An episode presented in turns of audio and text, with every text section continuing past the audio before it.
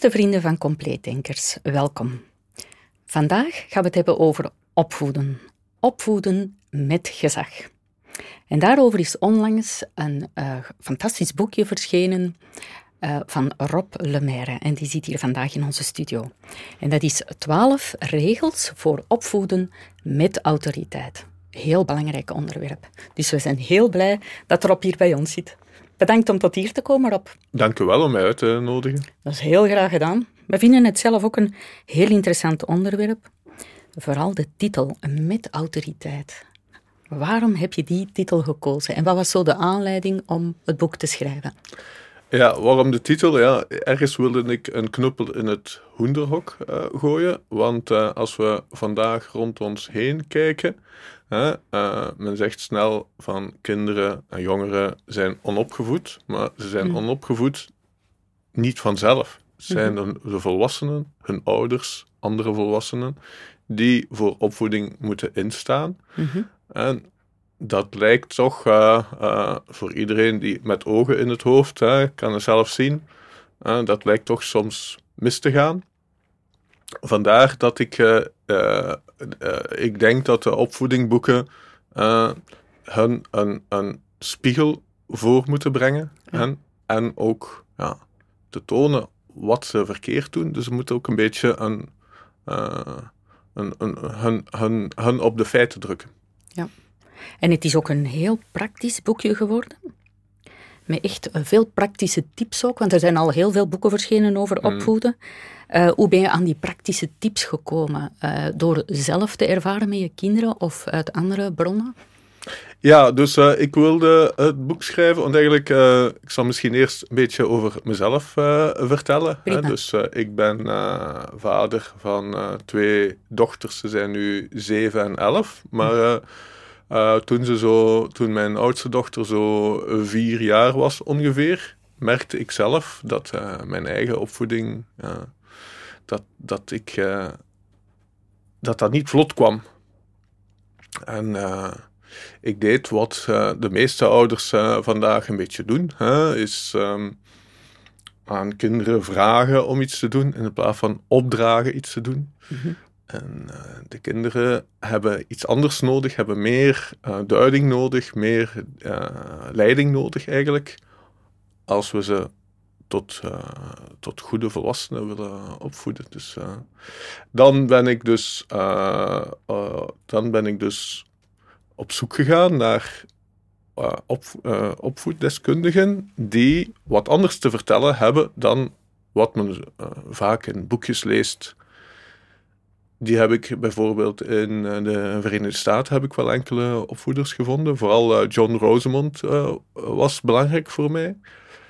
Want zijn tips hebben echt. Um, dus eventjes een rewind. Dus, dus, het feit dat mijn kinderen. Ik bedoel, ik had moeilijkheden om.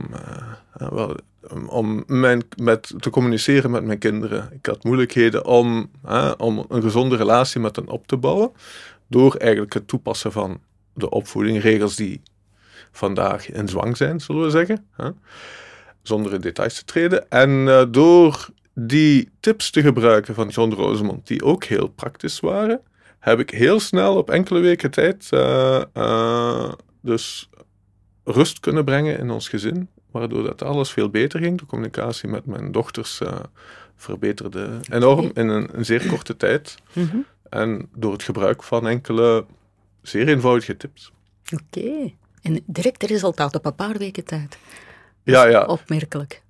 Ja, ja dus uh, John Rosemond had zo een. Uh, uh, zijn, zijn, zijn, hij had zo'n methode. En dat bestaat uit vijf magneten. Mm -hmm. en eigenlijk die methode is niet bedoeld om continu te gebruiken met kinderen. Maar is goed voor ouders zoals ik toen was. Mm -hmm. Die um, autoriteit eigenlijk nog niet vaak gebruiken in, in het gezin. Hmm. Om er zelf aan te wennen. Om, om er zelf aan te wennen. Ja. Dus elke morgen zette ik vijf uh, magneten uh, aan de koelkast. Hè? Uh, mijn, mijn oudste dochter was ervan op de hoogte. En ik zei van ja, ik, ik had dan drie regels waar mijn dochter zich aan moest houden. En telkens als ze een regel overtrad, mm -hmm. en er waren telkens ook heel duidelijke regels, als ze een regel overtrad, verdween één van de magneetjes. En dan deden dan altijd samen het magneetje wegdoen. En bij de eerste twee magneetjes die wegvallen, gebeurde er niets.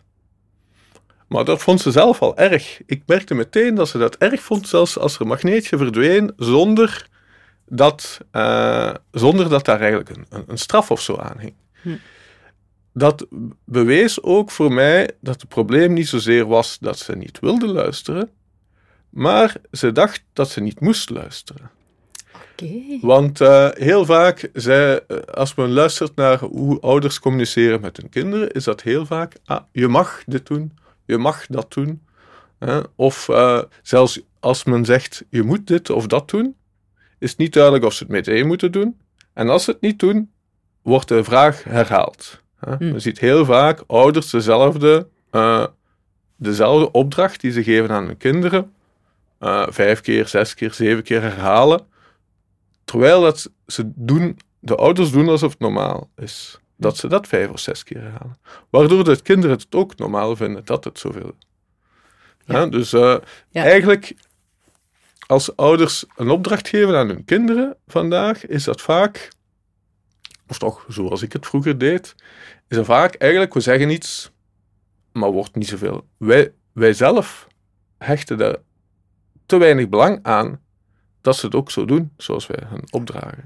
Okay. En dan gaan zij dat automatisch ook weinig belang aan hechten. Mhm. Dus door die magnetenmethode zagen ze meteen met eigen, met eigen ogen, de kinderen, zien dan meteen er gebeurt iets als ik iets niet goed doe. Mhm. En iets wat ik niet graag heb. Dus vanaf, om verder te gaan met de methode, dus bij de eerste twee magneten die verdwijnen, gebeurt er niks. Hè? De derde magneet is er een, een, kleine straf, zoals uh, bijvoorbeeld geen snoep meer. Hè? Mhm. Ik zeg maar wat. Uh, de, derde, uh, de vierde magneet, als de vierde magneet verdween, dan een iets ergere straf. Hè? Mhm. En de vijfde magneet is dat ze dat ze naar hun kamer moeten voor de rest van de dag. Ja. En dan de volgende dag, hoe goed of slecht ze het ook hebben gedaan, begint alweer met vijf magneten. Daar geeft men ook de boodschap aan de kinderen van ja, elke dag is een nieuwe dag. Hè? En men, krijgt de mogelijkheid om aan zichzelf te werken en aan zichzelf te verbeteren. Dat is mooi. Waar gaat het hier over? Is, uh, in eerste plaats gaat het niet over de straffen, hè, want heel veel mensen denken als ze aan autoriteit denken, dat, dat gaat over straffen. Nee, het eerste plaats gaat over een boodschap overbrengen naar de kinderen die duidelijk is. En dat kinderen leren luisteren naar uh, boodschappen die aan hen gegeven worden. Okay. Die, die, leren belang daaraan te hechten. Hm. Ja, dat die dus eigenlijk uh, belang gaan hechten aan de woorden die je gebruikt. Ja dat die dan oorzaak gevolg, dat die echt, nu moet ik echt goed attentief ja, luisteren. Ja, ja. En dat gebeurt te weinig. Dat gebeurt te weinig, ja. ja. En dan mm. krijgt men ook het fenomeen dat kinderen veel, aan jongeren veel sneller denken dat ze beter weten dan, dan zij die eigenlijk veel meer ervaring hebben. Ja. En heel veel maatschappelijke problemen die we vandaag hebben, zijn daar ook een uh, gevolg van. Ja, omdat die kind-issues eigenlijk bij die volwassen ouders niet opgelost is. Vanuit hun eigen opvoeding dan. Ja, ja, ja. maar dat is wel... Uh, ja. En terwijl dat die ouders dan misschien zelf niet bij zichzelf herkennen. Dus die projecteren dan hun eigen issues op de kinderen. Ja, dat gebeurt dan ook, ja. Ja, ja, ja. Het is... Uh, ja. Het is opmerkelijk hè, dat, dat ouders dan dikwijls uh, vragen moeten herhalen en dat daardoor het effect weggaat. Ja, ja, ja. Wat dan ook vaak gebeurt, is dat ouders hun vragen herhalen en dan eigenlijk steeds kwader worden. En op het einde, worden ze dan, het einde roepen ze heel bijna woedend. Hè? Worden ze dan op hun kinderen, sommige ouders. Ja. Wat te begrijpen is in hun situatie. Hè? Ik ben er ook geweest, dus ik begrijp dat heel goed als, als, als ouders dat zo doen. Hè? Want eigenlijk ze voelen aan dat er iets verkeerd is. Ja. Maar omdat in onze maatschappij alles zo tegen autoriteit uh, men, men, leest vaak in de krant van uh, opvoedingsexperts die zeggen: autoriteit kan nooit aan het antwoord zijn. Mm maar dat betekent dat geen autoriteit altijd het antwoord is. Mm. maar is dat, is dat echt effectief wat ze daarmee bedoelen? Of is dat gewoon een modewoordjes uh, die iedereen napraten van, ah ja, laat ons mm. tegen autoriteit zijn, want dat klinkt goed. Mm. Nee, ik wil niet, uh, dat, dat is ook heel belangrijk voor mijn boek, ik wil niet zeggen wat dat uh, ouders, ik wil niet dat ouders het boek lezen en zeggen van, oh ja, daar ben ik mee akkoord, daar ben ik mee akkoord. Nee, ik wil dat de ouders het boek lezen en dan zeggen van, ja, dat is misschien een beetje moeilijk, dat is een beetje moeilijk. Maar als ze toepassen in de realiteit, dat uh, dat, dat uh, de situatie in het gezin verbetert. Want heel vaak die adviezen, die, die, die heel goed klinken, hm. in de realiteit ja. helpt het weinig. Ik ken veel ouders die thuis opvoeding, van de typische opvoedingsboeken hebben liggen. Maar ik merk er eigenlijk weinig van als ik zie hoe dat ze uh, met hun kinderen omgaan. Zeker. En dan moeten die dat toch eigenlijk wel ondervinden. Als die bijvoorbeeld, hè, omdat in, in het interview in Groningen bij Blauwe Tijger kwam het er ook op aan van in veel linkse kringen wordt dan autoriteit en gezag een beetje als uh, ouderwets uh, aanzien. Mm Maar dan moeten die gezinnen toch, die ouders daarvan toch ook wel ondervinden van onze kinderen luisteren niet, we hebben er geen invloed ja, ja, op. Dus, en dan moeten die sowieso toch eigenlijk wel hun eigen visie daarop bijstellen. En vandaar, prima hè. Ja, ja, uh, maar ik wil in de eerste plaats, want u zegt uh, linkse uh, families, dit is geen oorlog tussen links en rechts of zo. Nee. Dit is voor ieder, het boek is bedoeld voor, iedereen. iedereen. Ja, ja. en ik zie hetzelfde effect ook bij veel, laten we zeggen, eerder conservatieve of rechtse okay. ouders, die eigenlijk ook op, op quasi dezelfde manier hun kinderen opvoeden als, als ah, ja, progressieve gezinnen.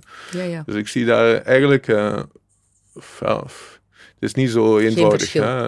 Nee, wel, Er zullen wel nuanceverschillen zijn, hè? maar... Mm, ja, ja, ja. En, die, en zag je eigenlijk eh, van die twaalf regels op je eigen kinderen um, bij alle twaalf een effect? Of bij de ene natuurlijk um, meer uh, qua regels? Zo? Het gaat over verschillende aspecten, hè? Ja, dat, Is, dat is moeilijk. Kijk, die twaalf regels zijn uh, pragmatisch opgesteld. Hè? Mhm. En het is moeilijk, uh, vaak moeilijk om te zeggen, deze regel is zo ja. die, die regels zijn, zijn bijvoorbeeld, een van de regels gaat over communicatie, andere mm. regel gaat over, uh, over moreel kompas. Mm -hmm. Kan dat niet helemaal los van elkaar zien. Hè? Nee, Want nee. als de communicatie goed is, dan is, gaat ook de, het, uh, het morele kompas daar een effect op hebben. Ja, ja, zeker. Dus eigenlijk al die regels zijn zoals een, een twaalfzijdige uh, kubus of zoiets. Hè? Mhm. uh, is eigenlijk uh, telkens vanuit andere opzicht dat men hetzelfde probleem bekijkt. Zo kan okay, men misschien beter zien. Ja, ja. En als er nu bijvoorbeeld um, tussen uh, moeder en vader um, een verschil is in visie op die ja. regels, waar raad je dan aan? Ja, um, dus eigenlijk twaalf regels. Eerst had ik elf regels. Hmm. Of ja, eerst, ik had eigenlijk heel snel twaalf regels, maar dan mhm. merkte ik dat die twaalf regels nog niet verfijnd genoeg waren. En, zo. en dan mhm. schrappen en, en samenvoegen en uh, verbeter formuleren van de regels. Mhm. Op een gegeven moment had ik elf regels en toen dacht ik, oei, uh, elf regels voor opvoeden met autoriteit, uh, dat, dat klinkt niet zo goed. Hè? Eh, maar ik wil ook niet zomaar een twaalfde regel extra. En dan was de regel eigenlijk de relatie, de, de twaalfde regel die ik heb gevonden is de relatie met uw partner gaat voor die met uw kinderen. Ja, want dat is eigenlijk ook iets dat men vaak ziet, is uh, dat uh, kinderen het centraal element van het gezin is. Dat de kinderen het gezin samenhouden. Dat de kinderen, uh, nee, de ouders moeten in eerste instantie een sterk tandem volgen, vormen. En daaruit dan naar hun kinderen. En, en, en, en dit gaat in dezelfde richting van ja dus stel dat er dan oneenigheid is hè, tussen ouders over uh, opvoeden, is dat, uh, opvoeden is al een, een, een reden genoeg om uh, oneenig over te zijn. Het is belangrijk genoeg om. Mm. Hè? Dus ergens is terecht dat er daar discussiepunten over zijn, zelfs als, als er verschillen groot zijn. Dus ja, dus eigenlijk de, de focus moet eerst zijn op, op, hun, op hun relatie eigenlijk. Mm -hmm. Maar natuurlijk men kan dan, uh, kan dan zeggen van oké, dan doe ik niks. Hè. Dat is ook weer niet de bedoeling. Er zijn genoeg zaken die men ook alleen, uh, of ja, die men kan doen zonder dat uh, de andere partner, de andere, partner 100% mee akkoord is. Ja. Hè? En, eh, en ook, ja, men blijft, blijft ook, de, de relatie blijft belangrijk, maar ook u als persoon blijft belangrijk. Dus Zeker. als u het belangrijk vindt om iets te doen met uw kinderen, Mhm. en uw partner zegt van, ja, ik zie dat niet zitten, Ja. men kan zichzelf ook niet volledig wegcijferen. Nee, nee. Ook niet. Je blijft je Ja. eigenheid behouden. Ja. Dat is ook wel zo. Dus eh, als er dan eh, oneenigheid is, dan ja, we moeten natuurlijk niet eh, de, de verschil, die verschillen te veel benadrukken. En, nee. Nee, nee, dat dus altijd proberen een manier te vinden om dat samen te doen. En toch afspraken te vinden. Of, Ja, ja, zeker. Ja. Nee, en dat vind ik eigenlijk wel mooi, want dat, dat lezen niet, niet veel boeken, dat dus de relatie tussen de ouders eh, primeert eigenlijk. hè. ja, ja, ja. Dat is echt iets eh, ja, dat, dat niet zo heel nummer eh, vaak in, in artikels of zo verschijnt. Maar dan is de vraag van wat bij een scheiding in co-ouderschap en, en dan een tweede partner plus kinderen, dat is ook nog, en dat gebeurt heel veel, hè, meer dan de helft van de koppels Ja, ja, ja. eh, heeft een echtscheiding achter de rug. En dan is het moeilijk, hè, want dan zie je heel veel dat in feite de, een van de, eh, dus de biologische ouder over eh, zijn kinderen gaat hangen en dat dan de plusvader of moeder ja, ja. Wat niks op, op mag zeggen. Ja, ja dat, is een, dat is een vraag die ik wel ook een beetje behandel in het boek. Ehm, ehm, natuurlijk is het ideaal dat, dat het, het ideaal moet blijven ergens het, eh, het klassieke gezin. Hè? Ja. Hm. En natuurlijk zijn er heel veel situaties waar dat, eh, dat men vandaag dat men dat niet meer kan. eh, eh, dat men dat niet meer kan perfect benaderen. Hè? Dus de wereld is nu eenmaal moeilijk. Hè? Er kan altijd, eh, van, kan altijd van alles gebeuren. Eh, dus ja, maar men kan het nog altijd proberen te benaderen. Dus als er plus ouders zijn, in principe moeten die dus, eh, in het huis hè, hetzelfde gezag hebben als de, de, de natuurlijke ouders. Anders, dan, anders dan wordt het gezin... eh, Ja. ja, nou, wat, wat, wat, wat, is de dyna- dynamiek anders? Hm. Hm. Ja, ja, dat is ook zo. Maar is het dan aan de, ehm, aan de biologische ouder om eigenlijk aan de eigen kinderen te zeggen van, voilà, is nu je nieuwe partner, Ja, om dat dan eigenlijk een beetje voor te bereiden of zo? ja, ja, ja. Maar Ja. ook bij partnerkeuze natuurlijk ook iemand te zoeken die dat kan zijn. Hè? Zeker. Ja, ik denk dat dat heel moeilijk is. Ja, dat is heel moeilijk, ja. Want in dat interview eh, met jou bij de Blauwe Tijger kwam dat eigenlijk ook wel van. eh, dat, dat- het ideaal is natuurlijk dat de natuurlijke ouder, alleen biologische ouders, Mm. bij elkaar blijven. Maar als dat dan natuurlijk niet is, dan is het wel heel moeilijk om de draad terug op te pikken. Ja, ja. Dat is wel heel moeilijk, denk ik. En ik denk dat het dan natuurlijk is dat je als biologische moeder of vader eh, het opneemt voor je kinderen. ja, en dan ja, hoorde zo in de volksmond van de kinderen gaan voor. ja, ja, ja. En dan hervallen ze met dezelfde aspecten en tekortkomingen. Ja, mijn kinderen, maar als men de kinderen... wil, eh, maar de toch is de scheiding gebeurd vaak dat de kinderen niet wilden dat de ouders scheiden. Dus als ze zeggen de kinderen gaan voor, is dat, er, is, is dat soms ook het schuldgevoel dat ze weten, oké, we zijn nu gescheiden. Ah, ja? Eigenlijk tijdens het scheidingsproces kwamen de kinderen niet voor, anders dan in veel gevallen. Hè? Ik, eh, ik ga Ja, ja. niet over alle gevallen spreken, dat is onmogelijk. Hè? Ja. Maar, eh, tijdens het scheidingsproces waren, gingen de kinderen misschien niet voor. Absoluut. Hè? En dan achteraf ineens, ja, dan, dan zijn ze zover en dan voelden ze zich ergens aan van oké, we hebben de kinderen toch iets eh, aangedaan. Hm. En dan ineens komen, gaan de kinderen... Dus eigenlijk zijn er twee extremen Hm. die eigenlijk allebei verkeerd zijn. Oké. Want ze of ja, allebei verkeerd kunnen zijn. hè. Want het is altijd moeilijk om daar heel veralgemenend over te... Het is mijn bedoeling zeker niet om Nee, nee, ieder, ieder gezin eh, eh, die in een, in een situatie zitten te zeggen van ja, dat is... Ja, ja, bedoel, dat is zeker. Is ingewikkelder dan dat. Ja, natuurlijk. ja, zeker. Maar eh, als, ik, als ik u goed begrijp, is dat dan hè, dus na de echtscheiding en dan met een tweede partner, dat ze dus zien dat ze hun kinderen tekort hebben gedaan. Ja. en daardoor eigenlijk eh, veel toegefelijker gaan worden Ja, met voilà, de voilà. kinderen. Dat En is dan- niet goed, hè. Niet goed. En ook als anderen, soms kan het ook zijn, de indruk hebben van oké, het kind wordt bij mijn andere, bij mijn ex-partner, eh, wordt daar verwend, dus moet ik die ook verwennen. Ja. Mm, ik denk dat het, eh, dat eh, ik, ik, ik heb mijn eh, regels en mijn boek zo proberen op te stellen dat autoriteit ook betekent liefde. Hè. Hm. Maar, en een van de punten die ik stel hè, in de inleiding al van mijn boek, is van eigenlijk, wat is opvoeding? Opvoeding is En wat is opvoeding met autoriteit? Mhm. Is niet zomaar van, niet alleen maar van autoriteit uitoefenen op de kinderen, maar de kinderen ook autoriteit geven. Mhm. Want eigenlijk, het doel van, eh, van, van opvoeden is dat de kinderen uiteindelijk ehm, meer autoriteit opbouwen dan, dan je als ouder zelf hebt. Hè? Dat is het meest liefdevolle dat je kunt indenken, is dat de kinderen beter worden. Hè? Mhm. autoriteit is niet alleen autoriteit op andere mensen, maar ook bijvoorbeeld een kunstenaar heeft autoriteit op hè, een schildenaar, schil- eh, eh, een schilder heeft eh, autoriteit op, eh, op verf. Mhm. En eh, omdat hij dan zo goed kan schilderen, gaan anderen zeggen wauw. En krijgt hij ook autoriteit ten opzichte van andere mensen. Mhm. Dus in die zin heb ik ook, zie, ik ook, zie ik ook dat men opvoedt, moet opvoeden met autoriteit. Mhm. Dus autoriteit is veel meer dan alleen maar, ja, jij doet doet dit en, en die persoon doet dat meteen. Hè?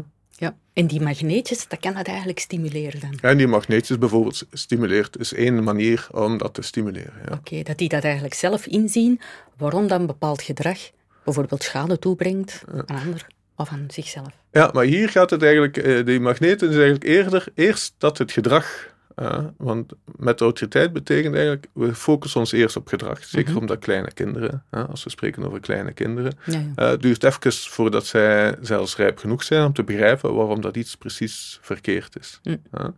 Dus we focussen eerst op gedrag. Dat is het gemakkelijkste ook om, om, om op gedrag te, Ja. met gedrag te starten. Maar dat betekent natuurlijk niet noodzakelijk dat, dat de kinderen goed weten waarom het ook verkeerd is. Ja. Maar er is een eh, specifiek hoofdstuk waar ik eh, eh, over hoe zou dat moreel kompas bij te brengen en hoe daarover te praten ook. Oké, want ieder kind, wij allemaal, hebben een moreel kompas. En het is de Ja. bedoeling van dat eigenlijk te stimuleren, om dat naar boven Ja. te brengen. Ja. Ja, ja. Dus dat ze goed zien wat is hier goed en, en fout, foutief gedrag komt.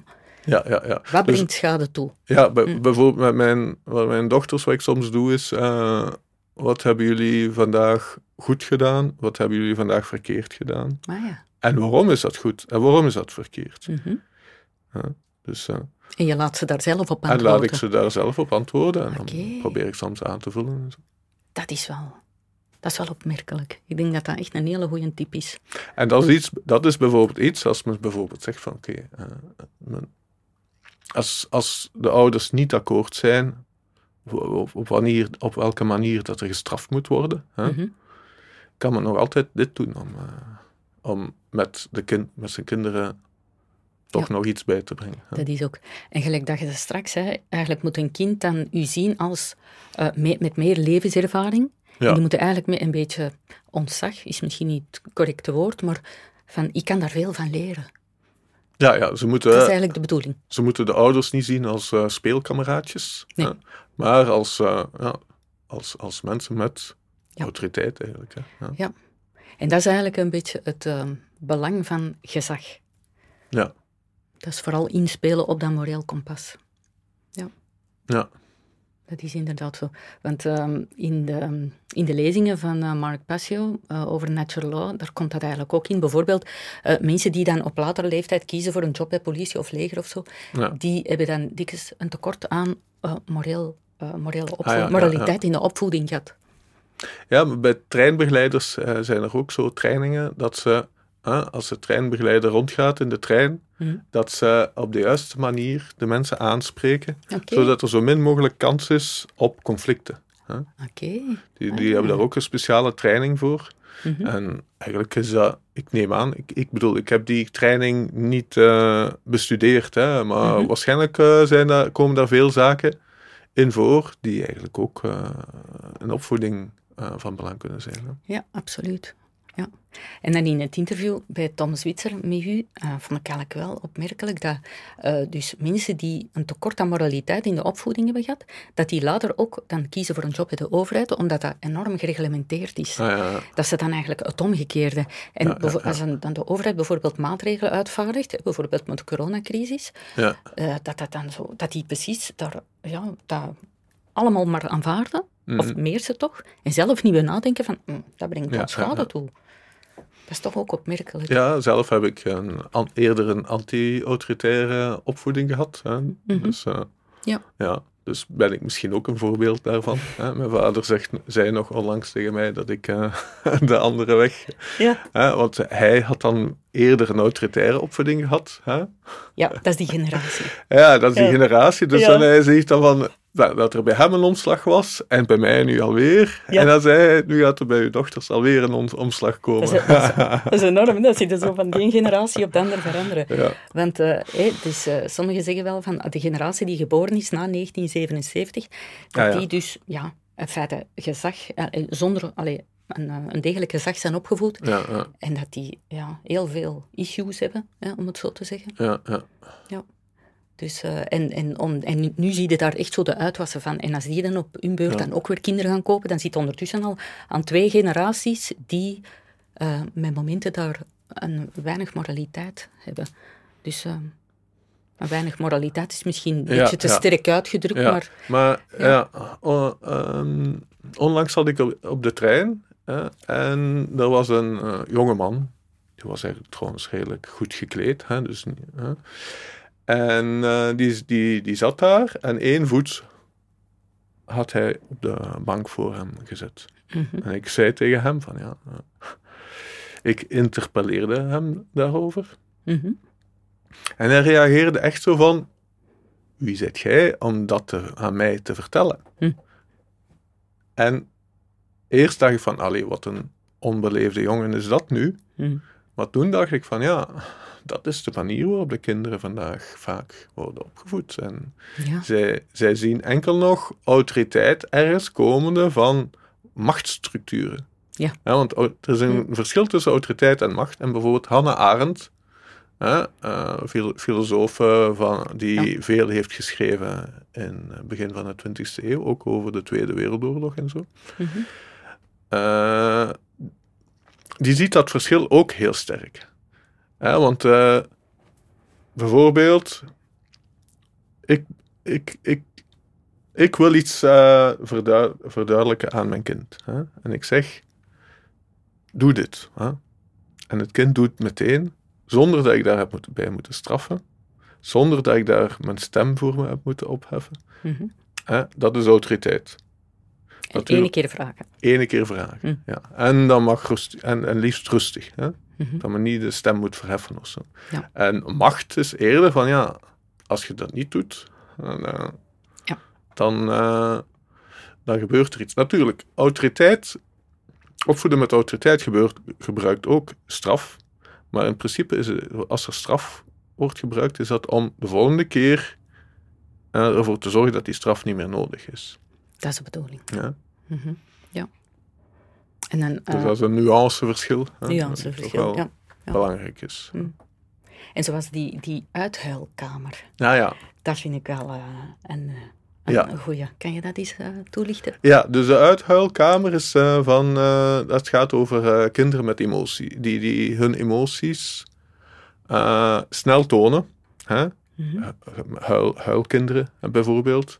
En die dat doen op een moment dat eigenlijk niet zo nodig is. Als ze bijvoorbeeld hun zin niet krijgen en dan hmm. beginnen ze te wenen. Hmm. Iedereen kent dat fenomeen wel, denk ik. Ja.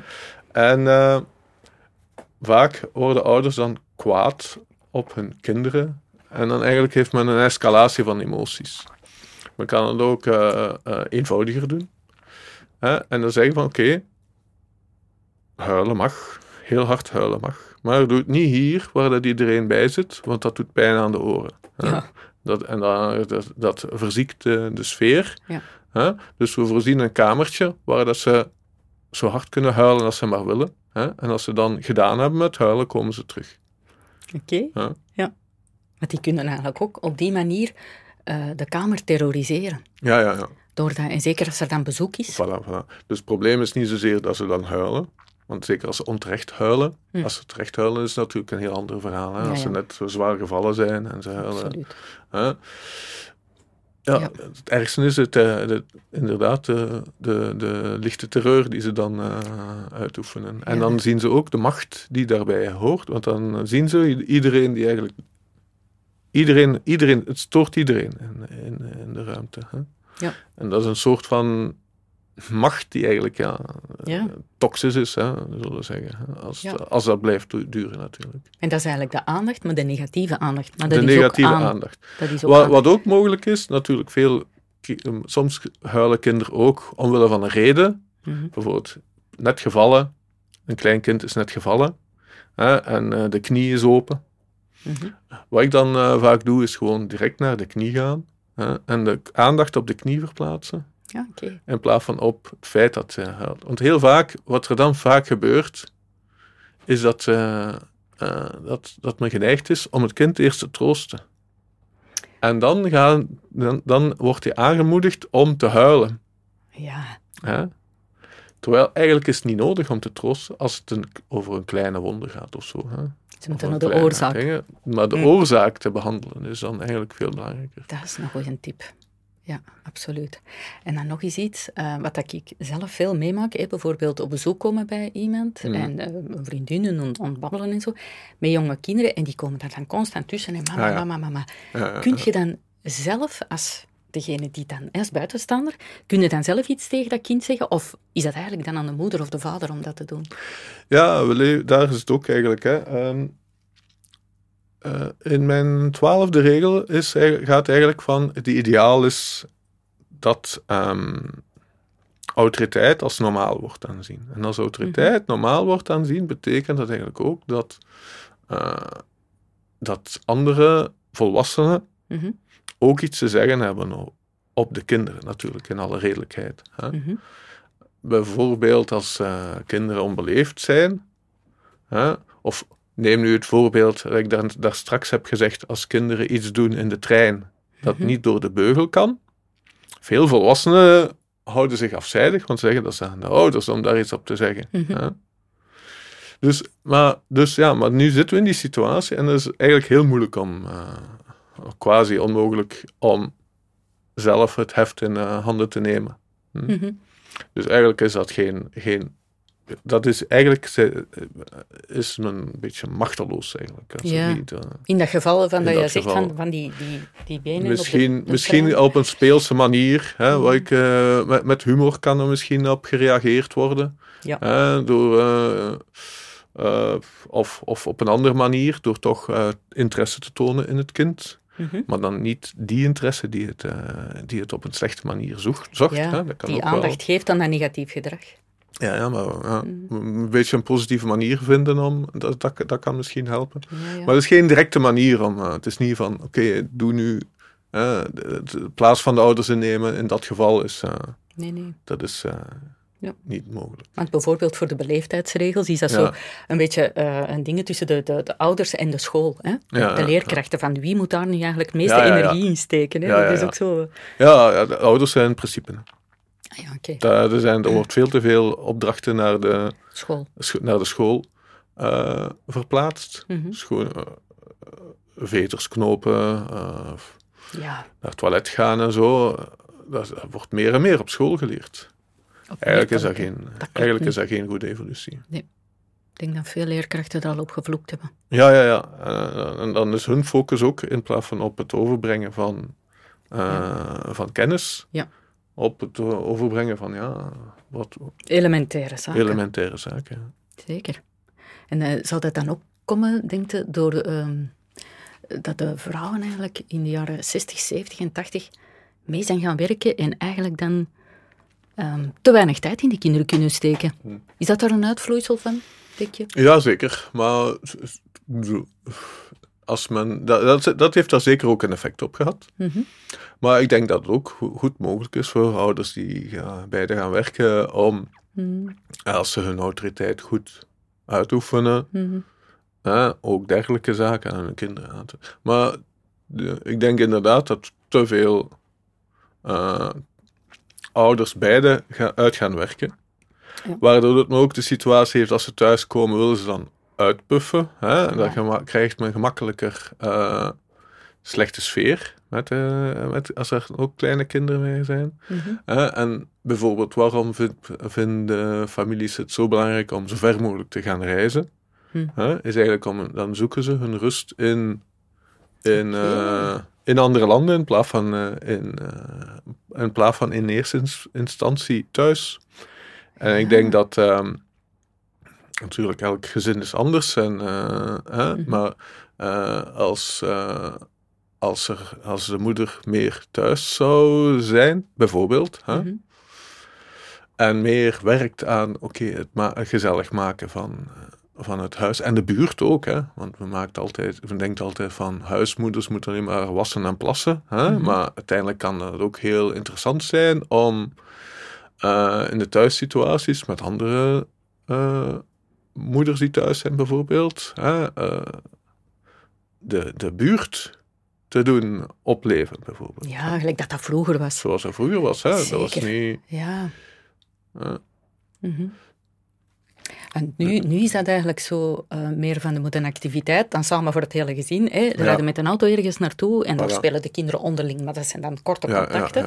Terwijl dat, dat vroeger, ja, bij ons was dat vroeger in de jaren 60 en 70, wij speelden in de zomer gewoon op straat. Hè. Ja, ja, inderdaad. Bijvoorbeeld, uh, dat was nu jaren geleden, dat ik uh, te voet liep door een, een, heel chique wijk. Mhm. Die hadden overal prachtige tuinen. Mm maar ik heb misschien. En dat was e- een, een weekend, dat was een van de eerste eh, mooie weekends daar. Ik zag daar niemand in de tuin. Niemand Dat was dood, hè. dat waren de ah, prachtigste tuinen. Maar er was niemand. Nee. Dan gaan we niet vertellen dat er geen uh, kinderen nee. woonden. Ah, nee. maar, ja, dat is als het mooi weer is, dan gaat men op uitstap. Hè. Ja, dat is, ja. In plaats van dat de kinderen met elkaar spelen. Maar ja, die tuinen die zijn dan door, hè? misschien ja, wel helemaal in orde. Die mag niet gevoetbald worden. Of, uh, Eigenlijk is dat spijtig, hè? Ja, ja. Dat is ook zo, ja. En dan nog een ander aspect daaraan. Ik herinner me een paar jaar geleden, en ik was mijn handje aan het wandelen in het park, en ik zie er op een gegeven moment een moeder uitvliegen tegen haar zoon, maar ik denk dat hij al bijna twaalf jaar was. En die was te ver van huis. Die mocht maar in een straal van een paar honderd meter. En dan hmm. denk ik, alleen die, die gast, twaalf jaar. Hmm dan denk ik, ah, maar hoe, hoeveel kilometer zijn wij vroeger van, van, van huis? En dan je ziet uitspoken en dan thuiskomen en dan niet zeggen. En dan wordt er eigenlijk dan toch wel het... Ja, ja, ja. Hmm. Ja, wel, wat ik in mijn boek zeg is dat dus... Uh, uh, want men heeft natuurlijk ook het omgekeerde probleem, is de kinderen vrij, te vrij laten. Oké, okay. Ah, ja. ja. Maar dat... dat uh, en ik zeg eigenlijk tussen kinderen nooit vrijlaten en mm. kinderen altijd vrijlaten. Daartussen bestaan heel veel uh, goede schakeringen. Ik bedoel, ja. hè, men kan overdrijven in de ene richting, kan overdrijven in de andere richting, maar mm. hè, het is ook van belang dat kinderen, uh, hoe ik dat in mijn boek noem, zelf autoriteit opbouwen. En mm-hmm. zelf autoriteit opbouwen betekent dat ze zelf dingen moeten kunnen doen. Ja. Want als men een kind bijvoorbeeld de weg oversteekt, als men een mhm. kind verbiedt alleen de weg over te steken, mhm. dan uh, leren ze dat niet. Maar mhm. ooit zullen ze wel alleen uh, de weg moeten oversteken. Ja. En, dan en als ze het nooit hebben geleerd, ja, dan, dan krijgt men, eh, komt men in situaties. ja. Natuurlijk, het is wel een heel eenvoudig voorbeeld, maar nee, nee, kan het opentrekken op... Uh... Ja, ja, dat is hè, Terwijl dat wij vroeger zelf naar school fietsten. Ja. En dan waren, zaten we nog in de lagere school. En dan was die school ik een paar kilometer verder. Ja, Maar dat is met een vriendinnetje of zo. Terwijl dat dan nu achterbankkinderen zijn geworden. Ja, ja, ja. Hm. Het is natuurlijk moeilijk. Het verkeer is aan drukker geworden. Ja, ja. Je kunt dan wel zeggen, ik zou mijn kind zelf, maar ze hebben bezorgd. Hè? Ja, maar ouders hebben wel het recht om uh, bezorgdheid te hebben. Mm En dan ook te zeggen tegen de kinderen, eh, bijvoorbeeld uh, uh, hoe ik dat opgelost heb met mijn vrouw, is dat we zeiden van oké, als de kinderen ergens anders naartoe willen gaan, dat ze eerst naar ons komen en zeggen wat ze van plan zijn te doen. En dan dat ze dan dat andere doen. Want mijn vrouw was wat, bijvoorbeeld wat meer bezorgd dan ik. Hè? Mhm. Ik was eigenlijk ook een beetje soms te gemakkelijk te onbezorgd, ik. Ah, ja. En dan hebben we zo is uh, toch een, een, een mooi compromis gevonden op dat vlak. Toch. Ja, dat ze moeten zeggen naar waar dat ze gaan. Dat ze moeten zeggen, nou, en dan is dat al wat meer acceptabel. Hè? Dus, uh, dat, ze, dat ze dingen gaan doen. Terwijl dat ze... Ja. ja, ik weet niet, The Sound of Freedom, ik weet niet of dat je de, de, de film al hebt... Uh... Nee, ik wil die zeker zien. Ja, ja maar uh, blijkbaar zeggen sommigen dan van, het is precies de bedoeling om um, kinderen te laten chippen, GPS inbouwen. Ah, dat zijn zo eigenlijk uh, de, de, meest kritische commentaren op die film. Uh, maar dat komt daar eigenlijk ook zo in de jungle van, hey, dankzij de, de GPS hebben we de, ten, mensen kunnen retraceren. Um, maar dat is, ja. Ik denk dat dat nu wel um, met de gsm, of met de smartphone, hè. Als kinderen dat eigenlijk op heel jonge leeftijd krijgen, mm. dan weten ouders altijd perfect waar dat ze zitten. En ik vind dat zelf ook wel belangrijk om um, op stap te gaan zonder smartphone en niet bereikbaar te zijn. Ja, ja, ja. En dat is iets dat, dat we kinderen eigenlijk ook nog moeten gunnen. Hè? Ja, ja, inderdaad. En, ja, dus al, men kan altijd over de risico's praten van als er dat gebeurt, maar, mm uh, maar er zijn ook opportuniteiten. Hè? Zeker. Kinderen leren veel als ze. Kinderen. Vandaag, het leven van de kinderen is van A tot Z uh, bepaald door volwassenen vaak. Ja. Ze gaan. Uh, vroeger voetbalden we bijvoorbeeld gewoon op straat. Welk, welke kinderen doen dat nog? Hè? Zonder dat er volwassenen bij komen op straat voetballen. Hm. Dat zie je bijna niet meer. Nee, dat is ook zo. Eigenlijk is dat wel spijtig. En ik denk toch, hè, Rob, dat um, onze generatie, wij erkennen dat ook wel. Wij zeggen, wij hadden vroeger die vrijheid wel. Ja, ja, ja. Ouders beseffen dat volgens mij wel goed. Ja, ouders beseffen, maar het is ook moeilijk. Ja, het is natuurlijk de, misschien meer, uh, meer verkeer vandaag dan vroeger. Zeker. Maar zeker wat ook meer speelt, is dat uh, vroeger wat minder snel bang is daarvan. Hè? Hmm. Ja. En uh, ik denk dat Dutroux ook een groot verschil heeft gemaakt in de tijd. Zeker. Dat schijnt, ik bedoel, ik was toen in een leeftijd dat ik zoiets niet zag, maar ik heb, uh, ja, want ik was toen puber rond die tijd.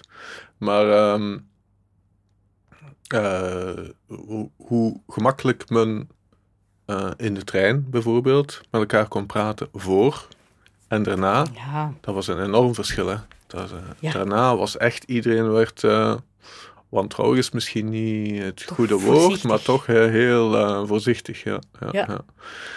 Terwijl, ja. Uh, en daar is eigenlijk uh, iets. Uh, een, het is niet, heel, niet helemaal consequent. Hè? Want als het over GP, gsm's gaat. Hè, kleine kinderen hebben vaak, zitten vaak urenlang op, op, op hun smartphone. Waar ze ook een blik hebben op de, weer, op de verre wereld. Waar ze mhm. zich eigenlijk ook. Um, uh, waar daar ook veel gevaren op zijn. Hè? Ook als het over uh, pedofilie gaat. Hè? Zeker. Dat ze met de chatten bijvoorbeeld. Dat ze via chatten met iemand uh, in, in, in contact komen. Of hmm. foto's van hen die dan zo op internet geraken of, of zo. Hè? En, en niet alleen bij heel jonge kinderen, maar ook bij oudere kinderen tot jongeren die zelfs uh, als ze meerderjarig zijn, hè, uh, dan spreek ik misschien niet meer over pedofilie, maar mm. zijn er toch ook situaties bij dat je toch denkt van liever niet met mijn kind. Schrijnende en, en toestanden. Schrijnende toestanden soms. Zeker, en, en, en, en daar merk ik dat de ouders veel gemakkelijker. Langs de ene kant zeggen ze dus: kinderen mogen niet op straat gaan, want aan elke hoek van de straat loert, zit er, een, loert er wel een pedofiel. Ja. Hè, wat een, een zeer grote overschatting is van het probleem op straat. Ja. Maar op internet zijn genoeg pedofielen die niet op straat komen, hè, maar op internet continu zitten. Om, uh, er zijn zelfs pedofielen die bijvoorbeeld um, uh, via spelletjes heel goed zijn in spelletjes die kinderen graag spelen. Mhm. En dan doen ze als ze zelf uh, uh, kinderen zijn. En via die spellen, uh, en ze zitten dan op spelletjes met ook chatfuncties. En dan eerst spelen ze met de kinderen. En dan chatten ze met de kinderen. En zo, ja. en zo verder. En dan vragen ze om ergens af te spreken misschien. Ja. En een speelkameraadje. En dan denken de ouders van, oh, ze zitten veilig op hun kamer, kan ja, gebeuren. Ja, voilà, voilà, voilà. Inderdaad, inderdaad. Is, uh, ja. Want dat gebruik van die smartphone, dat is ook zoiets. Hè? Want je kunt moeilijk aan je kinderen zeggen van, je moet dat beperken als je als ouders zelf... Ja, ja, ja. Dat, is ook, dat vind ik ook een heel moeilijk uh, probleem. En zeker met TikTok. Ja. TikTok is, is extreem gevaarlijk op dat gebied. Hè? Als verslavend. Super verslavend en ook uh, heel vaak inhoudsloos. Hè? Want ik heb eens toevallig gezeten langs enkele uh, jongeren en, en een beetje gekeken wat ze daar op TikTok deden. Mm. Ja. Om de, die, die filmpjes, dat was gewoon, dat was niet dat ze daar iets uit leerden of, of zo. Nee. Dat, wel, uh, ja, dat was gewoon van, ah ja, iemand die, die op een heel raar, gekke manier valt. En dan daarna iemand die alweer op een nog een andere gekke manier valt. en dan een poes die er een beetje raar uitziet. Ja. ja. Uh, de hele tijd zo van die, dat genre van dingen. Hè? Ja, ja. ja. En dan kunnen we nog zeggen van dat is onschuldig was het. Maar ja, als ze daar uh, urenlang ja. Zulke, alleen maar zulke dingen zien. Ja, je hebt dan verslaving, maar je hebt ook, mm. ook hun, hun hele hun hele ontwikkeling, hun, hun gedachten gaan daarnaar. Ja, absoluut. Ja, want ik heb eens gelezen ergens dat tussen 14 en uh, eh, 16 enorm veel verbindingen in de hersenen gemaakt worden. Ja. En dat, dat moet echt gestimuleerd worden. En dan zeker als ze natuurlijk dan uh, al eens een joint roken of zo, dat dat zeer kwalijke effecten heeft, uh, specifiek in die leeftijdscategorie.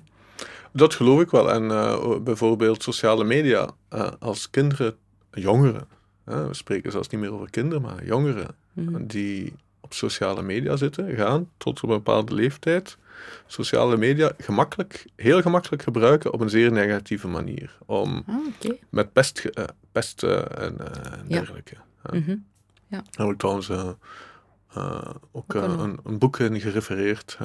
Ja, ja, ja. En waar raad je dan ouders aan als in mijn kinderen gepest worden? Want dan is het de bedoeling om daar echt in communicatie mee te treden. Maar dan moet al een goede band met de kinderen hebben, denk ik, hè, om daar het kind daarover te laten spreken. Of... Ja, ja. Dat dat niet makkelijk. Goede band. Het is, uh, ouders moeten niet enkel, uh, ze moeten ook een mentorrol spelen met hun kinderen. Hè? Mhm. En het is best om dat uh, te beginnen voordat er problemen zijn. Mm -hmm. ja. Een beetje later, als men er pas begint, mee, pas, pas mee begint, als die problemen er zijn. Ja, ja, ja zeker. Maar bijvoorbeeld voor pesten is het ook belangrijk om de gradaties te zien tussen pesten en plagen. Ah, oké. En, en pesten, ja, het is ook heel vaak uh, dat de kind, net de kinderen die gepest worden, een mhm. bepaald profiel van kinderen zijn. Mm -hmm. Die overbeschermd worden door hun ouders. Mhm. Dus ja, dus dan natuurlijk, eens dat men in die situatie komt, zo niet altijd dat men door overbescherming gepeste kinderen krijgt. Maar, okay. uh, dus ja, maar dat, dat geeft al aan dat, um, dat het moeilijk is om gepeste kinderen in bescherming te nemen.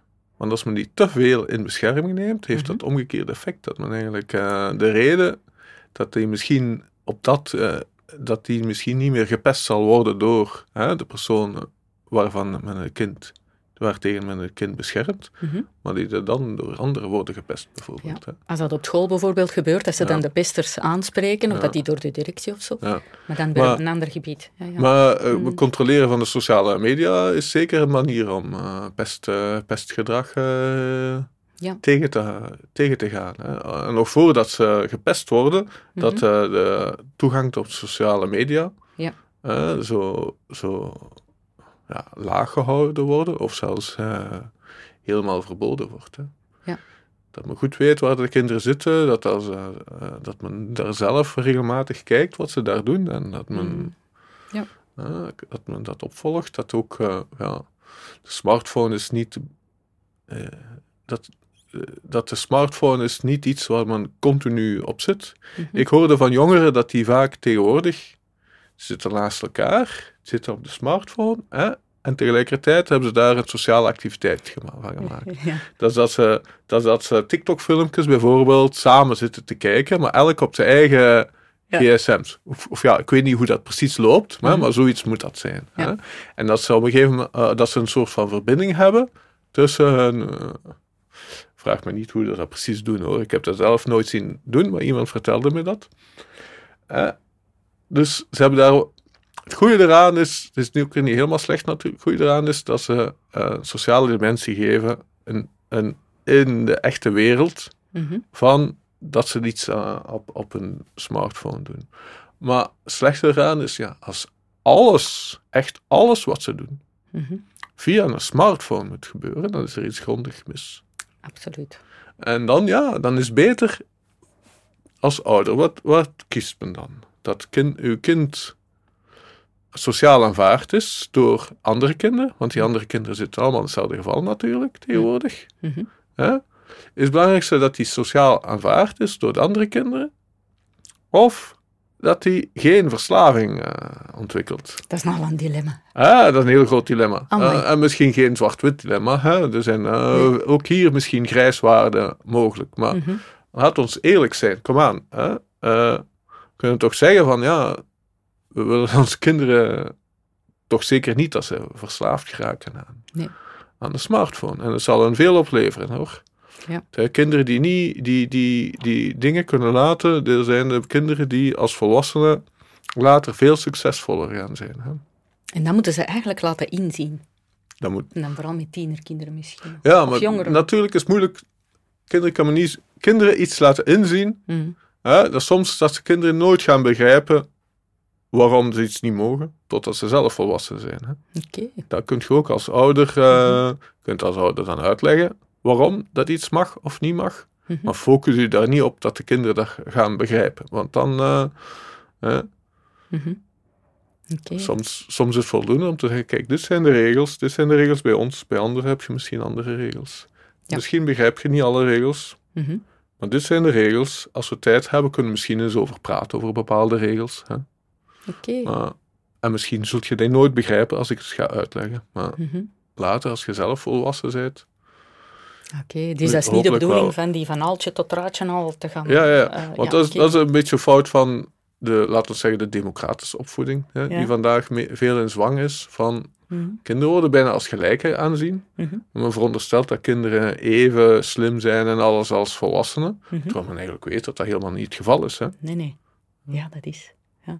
Zeg, en, en de zo, hè, want je hebt ondertussen, heb ik begrepen, een Facebookgroep om eh, ouders eventueel al te begeleiden in de Ah ja, ja. praktische toepassing daarvan. Ja. Heb je daar misschien al een vraag over eh, gehad van ouders die nieuwe tijdkinderen hebben, omdat die eh, veel meer op het gevoel werken en veel meer met hun intuïtie bezig zijn.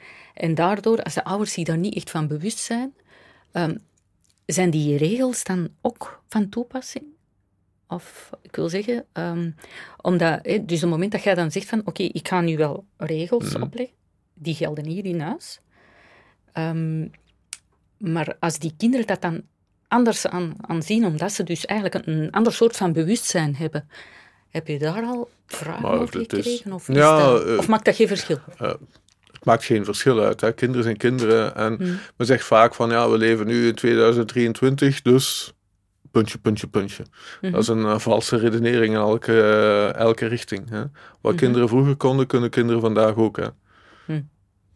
Dus heel die tijdsgeesttoestanden, nou, er zijn natuurlijk accenten die verschillen. Een kind van, van 50 jaar geleden, ja, die moest je niet ehm, waarschuwen tegen overmatig eh, smartphonegebruik, bijvoorbeeld. nee, dat maar, is allemaal veranderd. Ah, dat is natuurlijk veranderd, maar Absoluut. dat is niet het kind dat veranderd is, dat is de omgeving dat veranderd is. Ja, dat is. Maar ik kan eh, vandaag nog altijd zeggen van ja, nee, je krijgt geen smartphone. Of Mhm. je krijgt er geen tot die leeftijd en vanaf die leeftijd, oké, je krijgt er wel één. Mhm. Maar je mag dat in die, in die situaties niet, Mhm. niet gebruiken.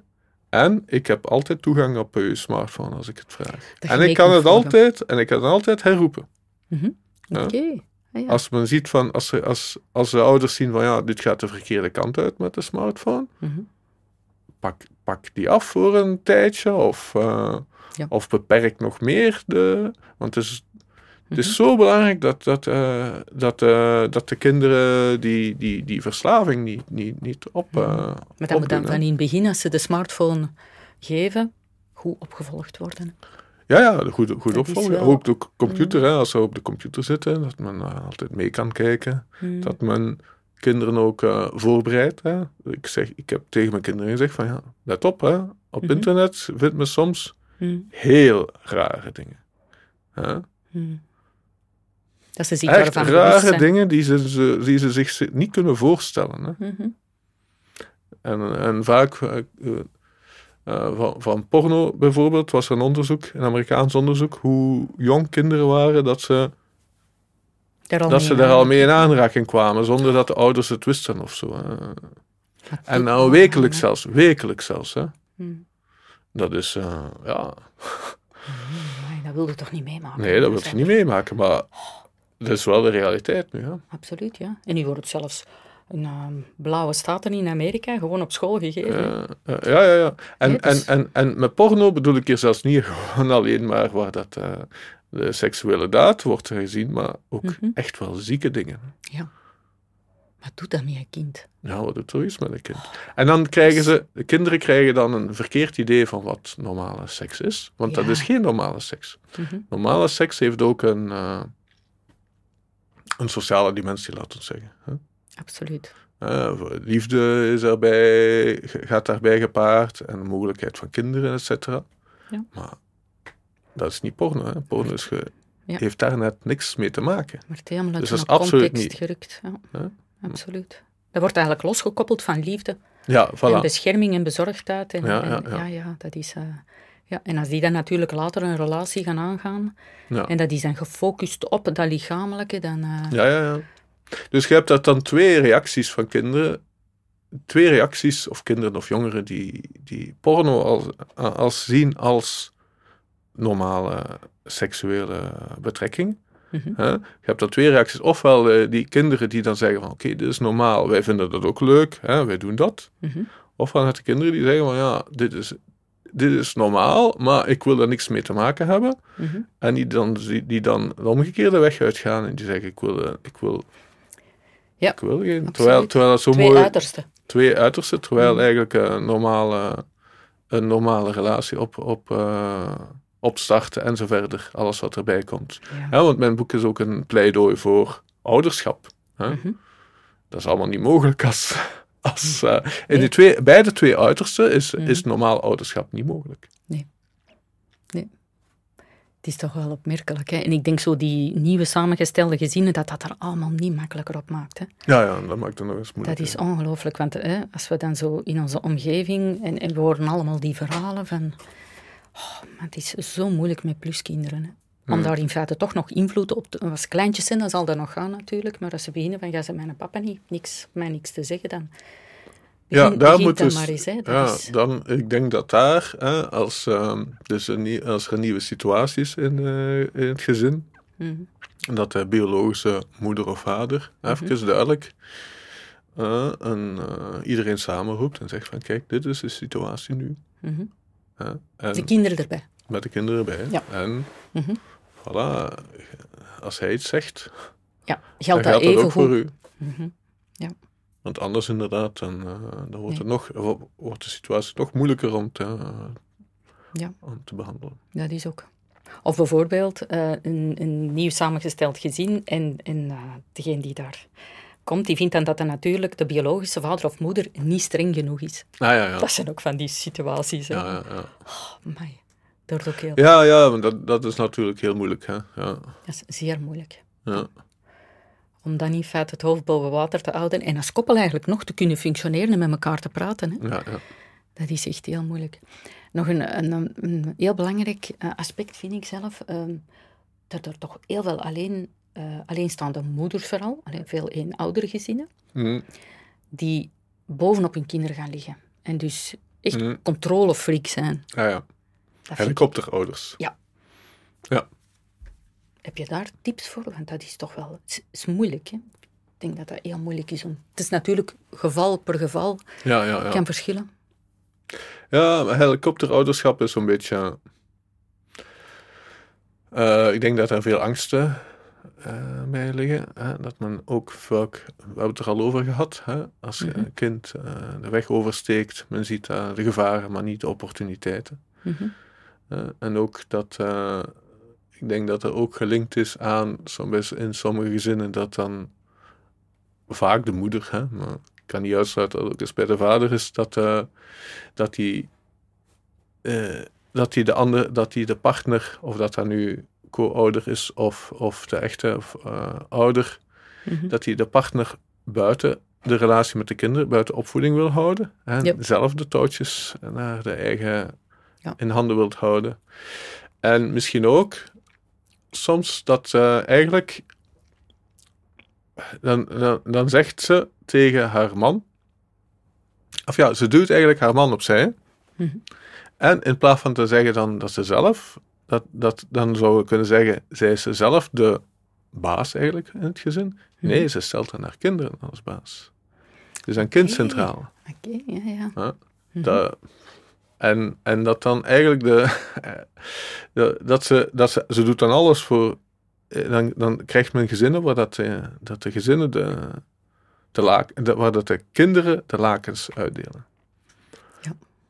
Dat zie je veel. Op hun, op hun manier natuurlijk. Hè. Mhm. Ja, zonder dat de moeder of de vader dat eigenlijk zelf eh, in toog heeft.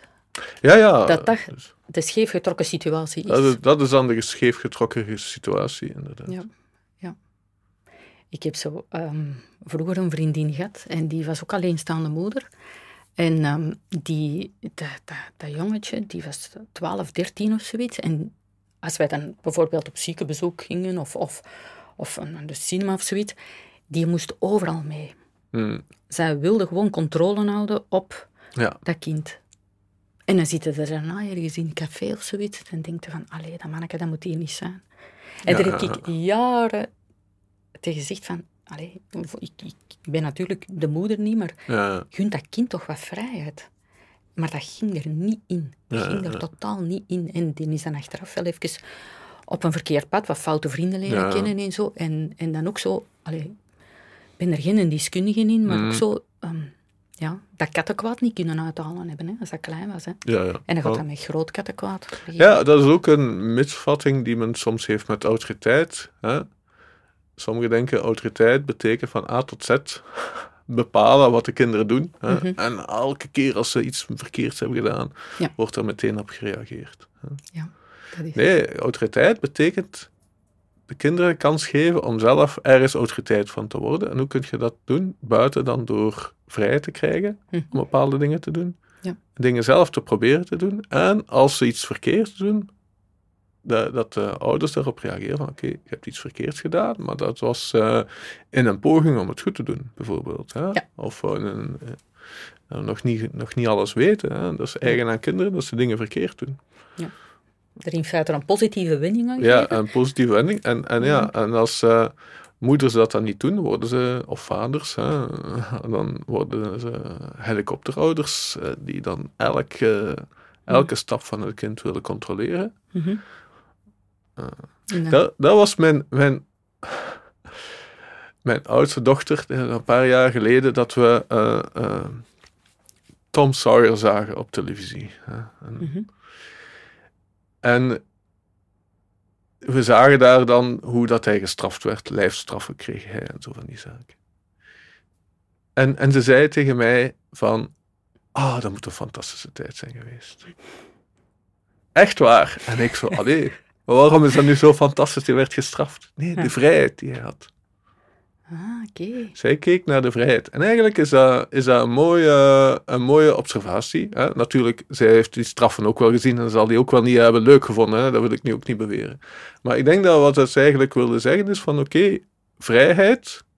Ze heeft liever vrijheid met die lijfstraffen die wij nu zo verschrikkelijk vinden, Dan geen vrijheid. dan geen vrijheid. Ja, En eigenlijk is dat wel een... eh, ik denk wel dat dat een beetje inkadert. in, inkadert Ja. hè, van waar we eigenlijk nu een beetje zitten. hè. Dat is het. Dat ze de mogelijkheid hebben om met een kop tegen de muur te lopen. Ja, ja, ja. Ja, dat is. Ja, absoluut. Ja. Het is eigenlijk spijtig dat ze dan ehm, die verantwoordelijkheid zelf niet kunnen testen. Ja, ja. De verantwoordelijkheid die ze, en gelijk dat je zegt, die, Die autoriteit, uiten. Ja. ja, dat ze dat niet kunnen uitproberen. Mm. Ik vind dat zelf een van de moeilijkste, zo, van, eh, om die controle te kunnen loslaten. Want veel kinderen worden eigenlijk in een soort van een gouden kooi opgevoed. Hè? Ja, ja, ja. Mm. En dat zie je, dat zie je zoals die dan tien, tienerjaren geraken of, of de twintig zo. Dat je, je, je kunt dat er als het ware zo uitpikken. Dat die zo enorm beschermd zijn opgevoed. Of als die in het latere arbeidsmilieu terechtkomen of zo. Dat is ook zo. Of dat de ouders bijvoorbeeld altijd ieder probleem heeft opgelost voor dat kind. Ja, ja, ja. ja. En dan worden ze volwassen en dan blijven ze nog tien jaar lang bij hun ouders eh, wonen. Tot hun Dat dertig. ziet men vaak hè, tegenwoordig. Dat is, eh, en dan zijn die, eh, eigenlijk die ouders slachtoffer van hun eigen manier van Ja, opvoeden. ja, ja. Mm.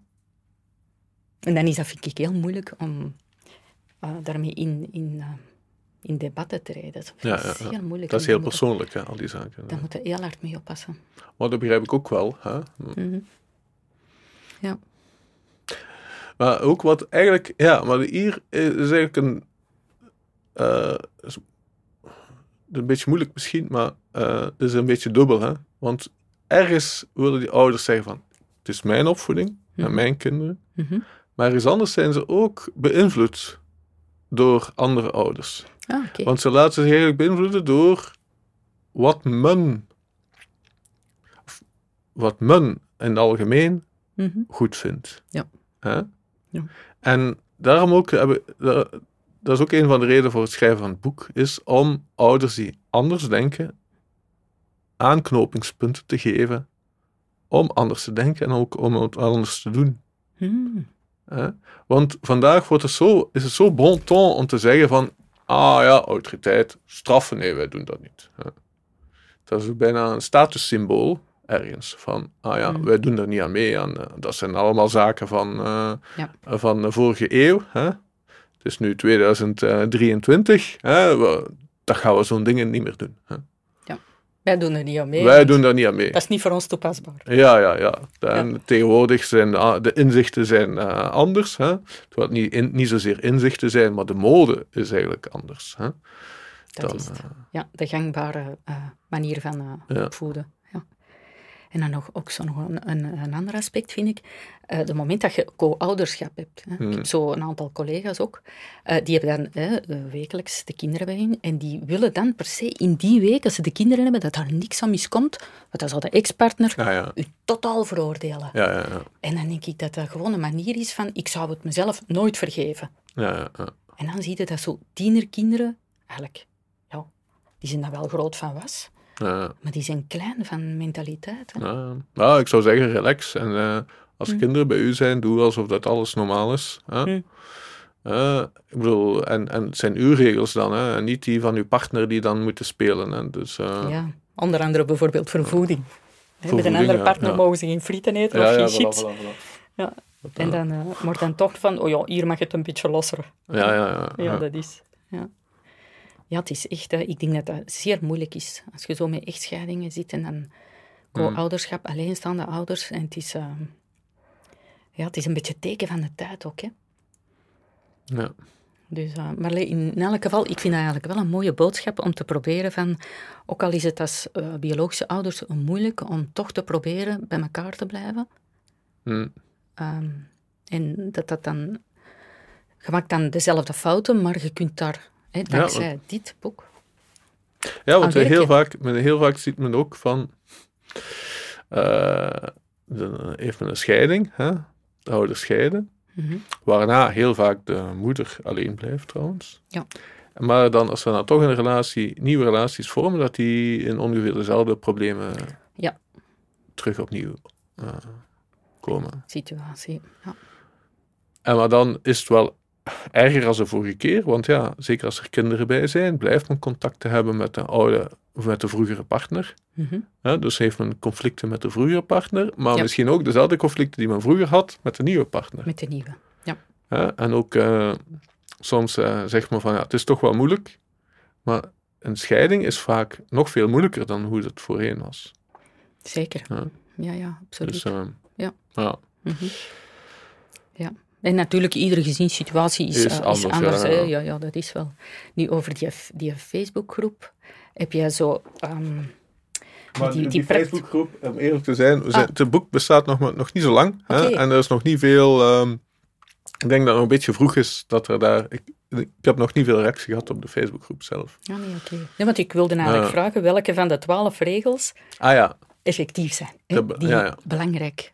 Ik denk communicatie. Hè. Ja. Um, hm. Als men niet zegt dat men meent wat men zegt, mm -hmm. en achteraf ook uh, ten uitvoer brengt. Hè? Ja. Als men dreigt van, ah ja, als je dit niet doet, hè, ruim nu de tafel af bijvoorbeeld, als men dat zegt aan een kind. Als Mhm. men het niet doet, krijg je een week geen ijsjes bijvoorbeeld, hè? zeg maar Ja. wat. Ja. Dat men dan ook geen ijsjes geeft. Hm. Geen ijsjes geven is nu niet de beste straf die men kan... Uh, hè?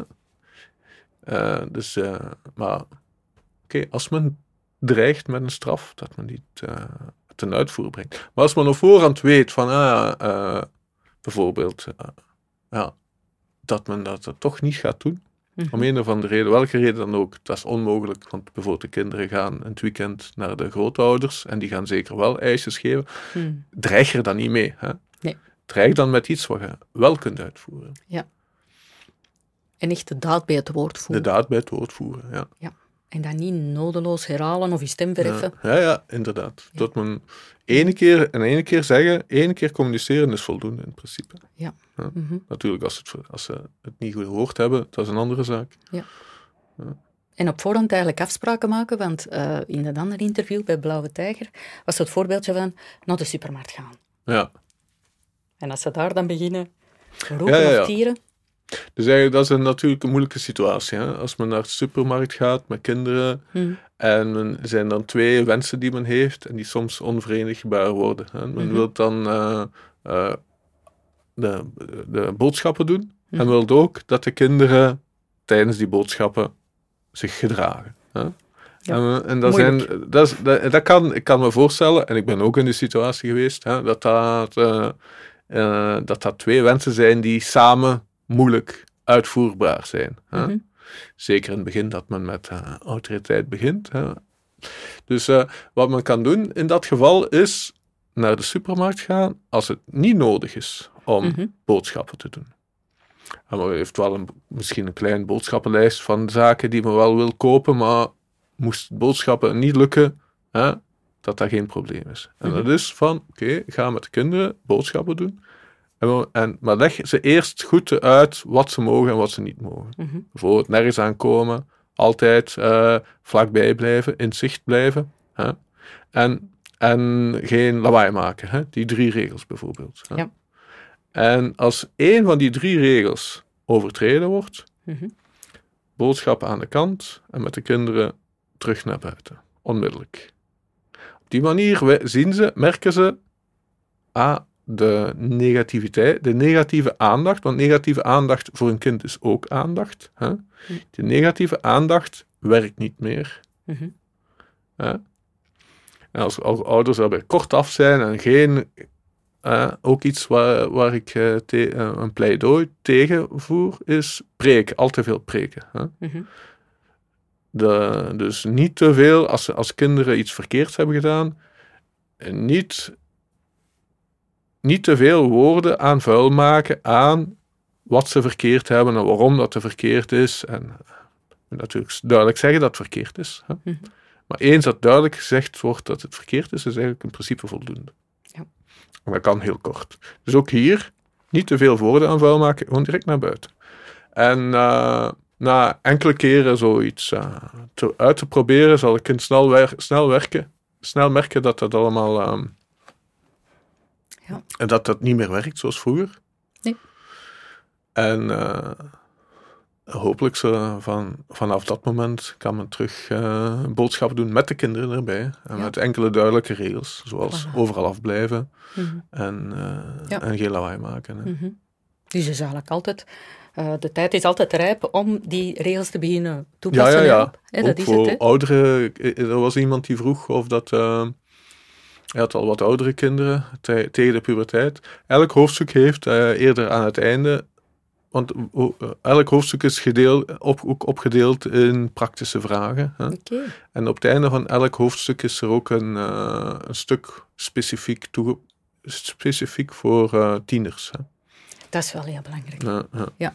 Dus is eigenlijk nooit om dat eventueel een ja. beetje nog bij te sturen. Natuurlijk, ik moet erbij mm. zeggen, ik heb zelf geen uh, tieners, hè, dus... Uh, ja, ja. Maar ja, um, ik heb mij, zoals ik al eerder zei, gebaseerd ook op uh, boeken mm -hmm. en ook op hoe ik me in de tijd als tiener heb gevoeld. Hè. Ja. En ik merk wel dat door het lezen van, van die boeken um, ik mijn eigen tienertijd beter begrijp. Ja. Oké. En dat heeft me dan ook geholpen om die hoofdstukken te schrijven. Ja. En het zou eigenlijk mooi zijn, moesten dan de ervaringen, hè, hopelijk dankzij het interview ook mee, ervaringen ook mee kunnen noteren en dat er misschien nog een vervolg op komt. Ah, ja, ja, maar als er, als er uh, positieve of negatieve ervaringen zijn met, met, de regels die ik heb opgesteld, ja, de tips die ik heb gegeven, ik ben er altijd in geïnteresseerd. Ja, dat is het. Hè. Ja, Absoluut. En dat is ook de bedoeling van dit interview, hè? want het is zo'n waardevol boek en dan hè, met heel veel praktische tips en zo.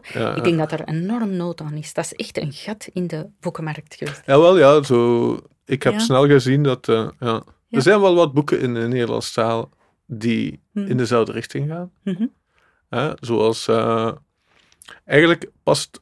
Ik, mijn boek was bijna klaar toen ik um, um, het bestaan van Marijke Bisschop. Uh, ja, die staat hier aan de achterkant. Ja. En uh, zij is een uh, pedagoog die, mm -hmm. ja, zij heeft bijvoorbeeld opvoeden in een verwendmaatschappij geschreven. Mm -hmm. en dus dat boek heb ik dan ook, enkele van de tips heb ik dan ook verwerkt in, in, in mijn boek. Hè, want dat is eigenlijk, mijn boek wil een compilatie zijn van de beste tips die ik heb kunnen mm -hmm. vinden.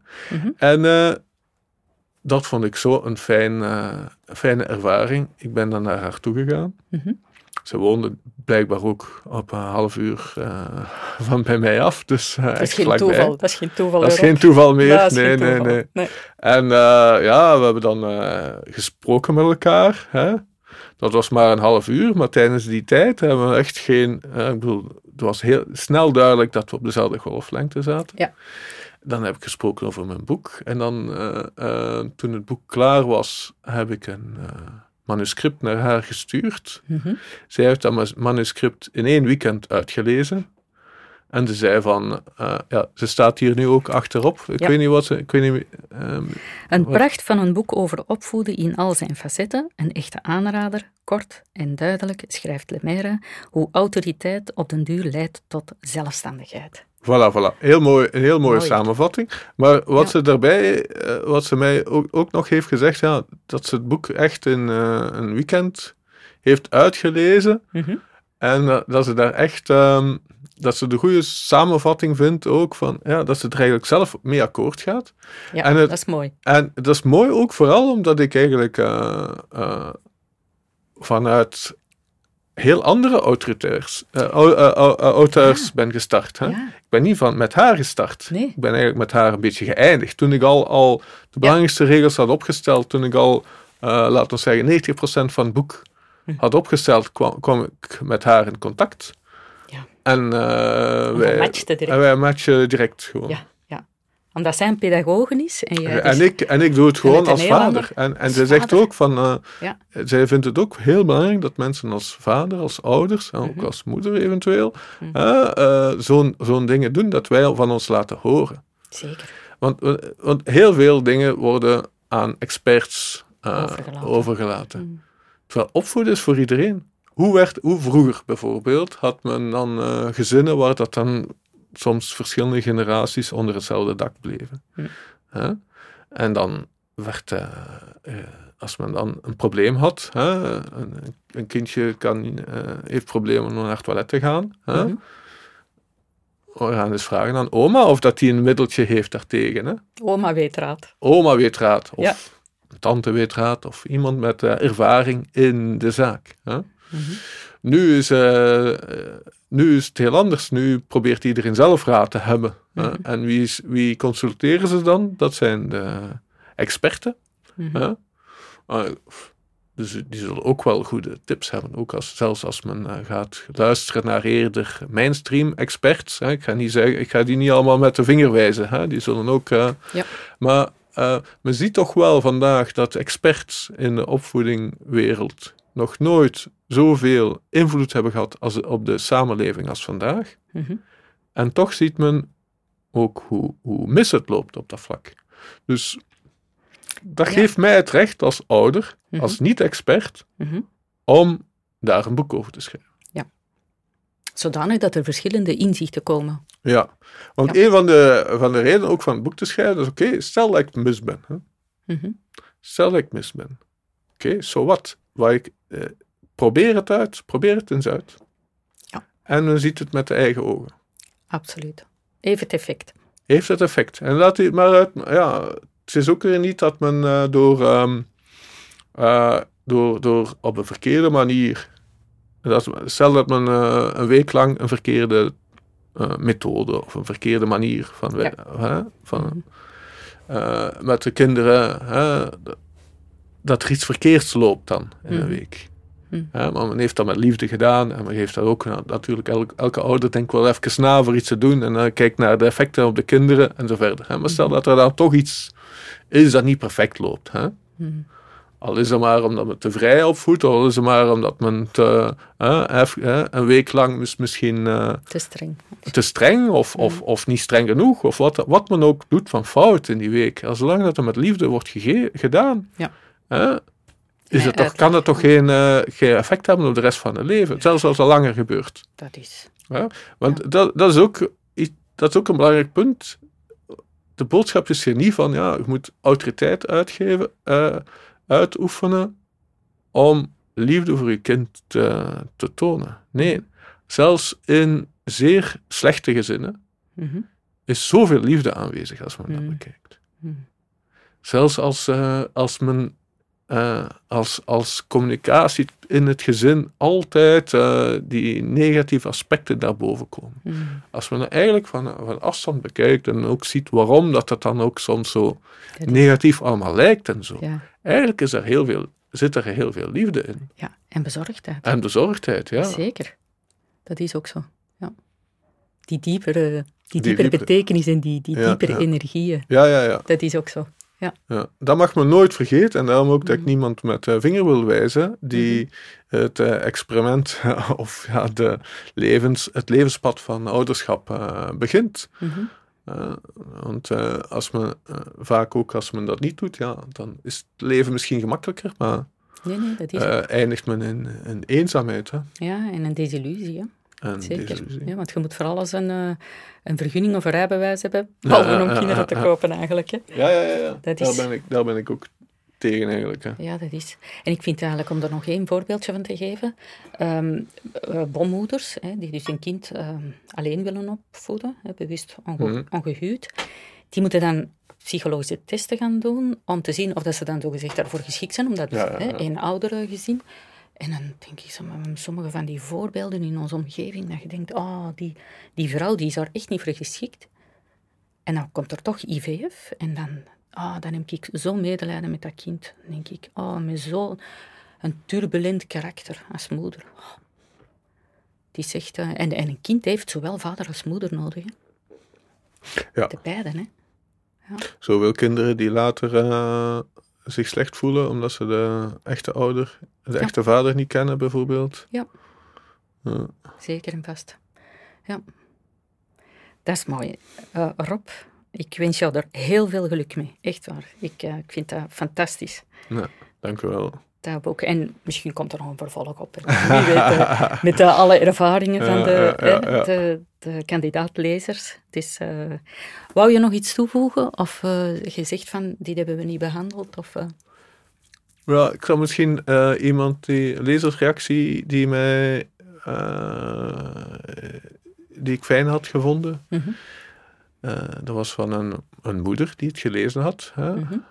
Ik wel als vriend kende, maar tijdens het schrijven van mijn boek heb ik daar eigenlijk niet te veel ik wil daar niet te veel aandacht aan brengen. Hè. Ze heeft het gelezen en uh, ze zei het, dat ze het positiefste punt vond ze dat opvoeden met autoriteit, dat schreeuwen niet autoriteit is. Hmm, Oké. Want als men schreeuwt, dan, dan uh, dat is een teken van onmacht eigenlijk. Hè. Ja. En dat betekent eigenlijk dat er een, een gebrek is aan autoriteit. En een kind voelt dat. En een kind voelt dat, ja. En gaat er soms dan misbruik van maken. Ja, ja, ja. En dat kan allemaal bijgesteld worden. Voilà, voilà. Fantastisch. Dat is het doel van mijn boek eigenlijk, is dat inderdaad dat niet geschreeuwd moet worden dan dat kinderen luisteren. En, uh, ja. ja, absoluut. Dat het nou op een natuurlijke manier komt. Voilà. En comfortabeler voor de ouders zelf ook. Hè. Ja. Dat het, rust, dat het rust brengt in het gezin. Dat kinderen zich uh, zekerder voelen. Hè. Mm -hmm. Ja, absoluut. Nee voor beide een win-win situatie. Ja, voilà, voilà. Oké. Hartelijk bedankt om naar de studio te komen. Ja, en dan misschien nog tot de uh, volgende keer. Ja, ja. En dan aan de kijkers, uh, bedankt voor jullie aandacht. En zoals altijd, alle informatie over onze gastsprekers kunnen jullie vinden op onze website www.compleetdenkers.be.